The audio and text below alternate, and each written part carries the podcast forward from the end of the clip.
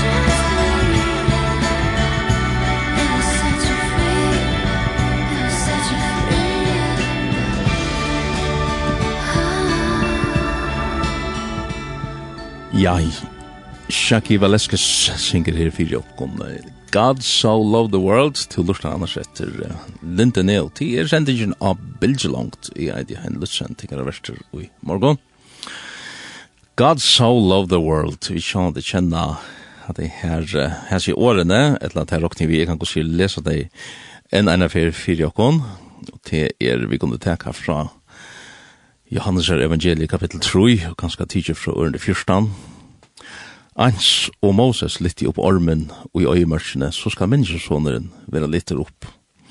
For jeg kvart han som tror, skal hava evet liv og i hånden. Du så elskar i god heimen, at han gav sånsøyn hin einborna. For at kvart han, og i tror av han, skal ikkje fortapast, men hava evet liv. Ikkje sende god sånsøyn i heimen, for at han skal døm heimen, men fyrir at heimren skal vera frelstur vi honom. Tann og trur av han verur ikkje dømtur, tann og ikkje trur er lango dømtur, ty han hever ikkje tru av navn einvornar sonar gods. Og hett domeren, at ljósi er komi i heimen, men menneskene elskar og myrskre, meir enn ljósi, tui versk tarra, våra önd. At det her skriftbrot er grundarleie under tusangen som er vi ho at uh, færa vidtjera her i morgon, og er en vidtfæra hevana samrøva. Og sangren er uh, tan ui av foreskon vi kallar fyrir Esa Reistan lengt bortur en vann ved kross til er uh, George Bernard som hever Ist han i uh, 1913, og Jeg halde at Arne vi færre at høyre synder meir om hans sangen, så færre at høyre Finnur Hansen synsja han den her sangen av føreskon og i tøying tja Viktor Daniel Danielsen.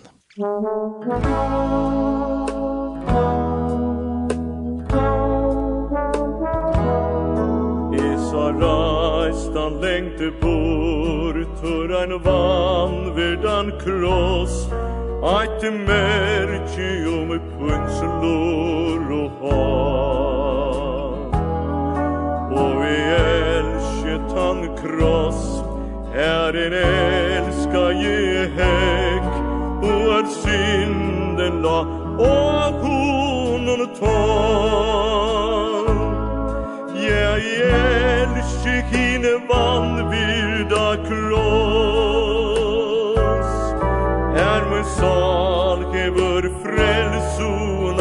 sen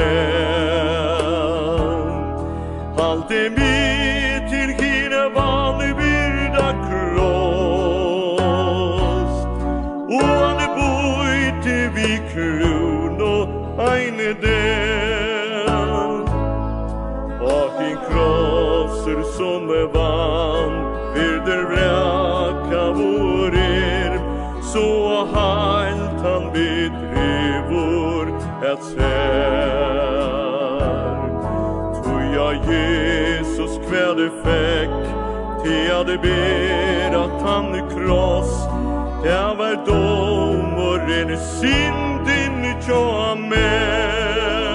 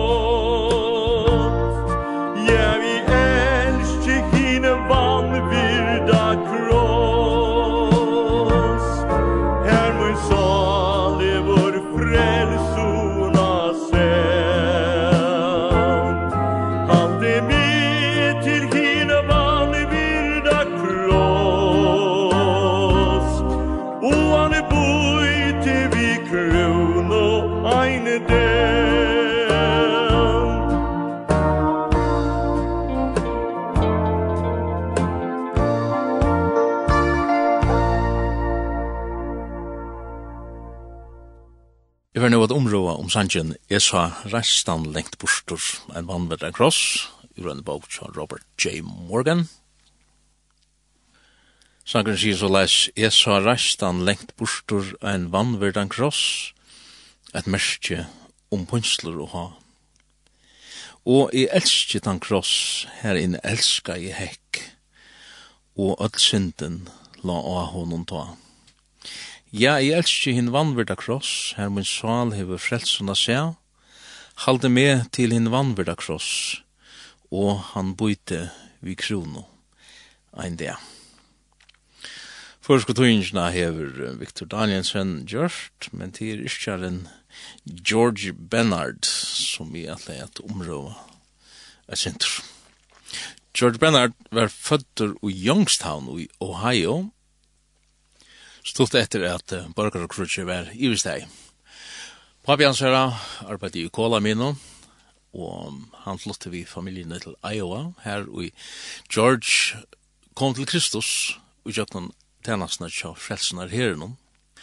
Han uh, kjente sitt rytnan at uh, for at lese og halda av i tennasna og her nå, men uh, alle andre hans herra våre brøttar, tog i papi hans herra døye, og let han etter vi arbeidene av mamma sinne og systeren. Han var da 16 år gammal. Så i stedet for at lesa godfrøye, så arbeidde han om dagen, og kvalden ble nødt til å lesa bøker. Til enda han så latte arbeidden av George, og han kunne lida til Chicago. Han ble gifter og byrja i utennast og tja frelsen her herren. Sætne var han så innsetter i tjeneste av metodista episkopal kyrkjene og blei ein ferrande evangelist. Vi eit høve ta i han heida han trobult i tjenestene, så vi kjente George Tørven og betre å kunne skilja kraftena og i krossen Kristus er. Han sier sætne, jeg ber om at jeg kunne få fullt skil om krossen. Jeg les og jeg i og jeg ber, Kross Kristus her blev meira enn bæra et symbol. Det var som at Johannes 3.16 lopo opp ur permanon ur bøyblene. Det tok form og ut into tøytningen av enderløysingene. Men jeg sa hessa sen og spela fyrir munnen innare eia, så kom temaet til mun til hendan sanjen Det tok flere måneder å få årene evne til i hoa hans herre.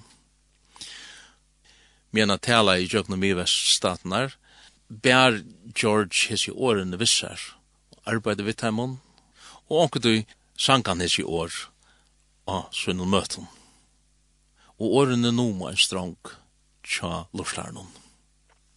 Til endans vær sangren livur, og George får at vitja ein av vinnusvinnum, prætikomannen og kona hansara O.L. Boswick og sang hendan sanje fyrir daimon. Ta jo syste tåne var sunjen, så hukte han opp og spurte, kan hatt brukast? Boswick tjonene var så rørt at de hjalte til å betala det som det kostet at få sanjen prenta igjen, og stått at han hatt i 1913 blei sangren given ut i imenskon sang- og salmaboken om alt Amerika.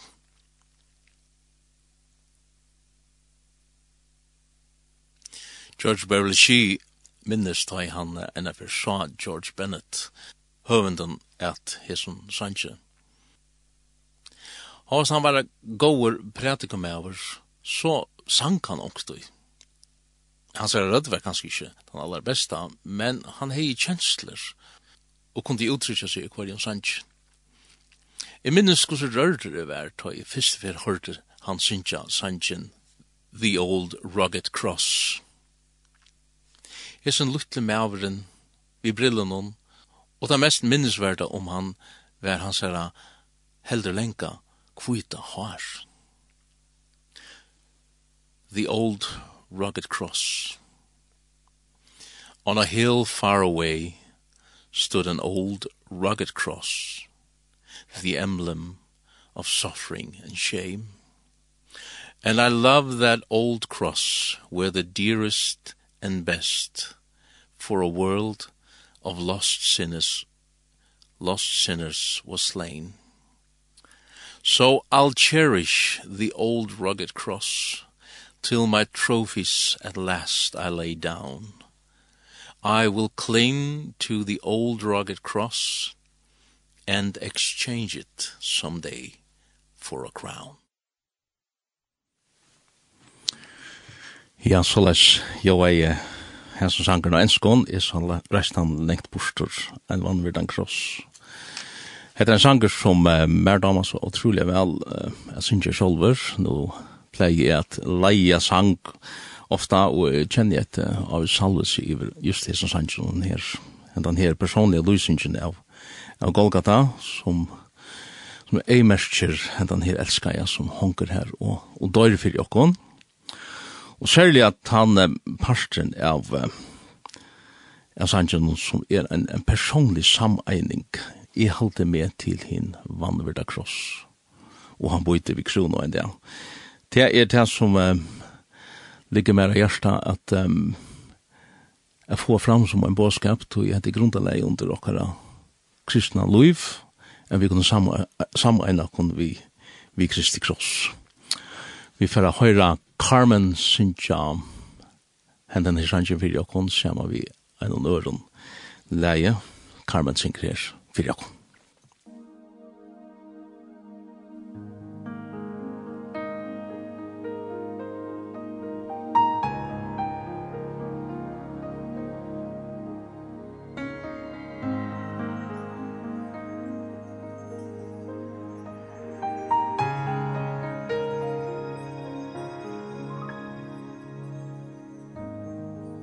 Oh, that old rugged cross. So very much despised by the world.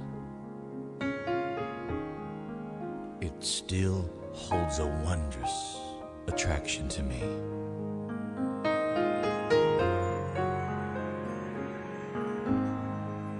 For the Bible says that it was there that the dear Lamb of God left the glory that he had above to bear it on dark Calvary.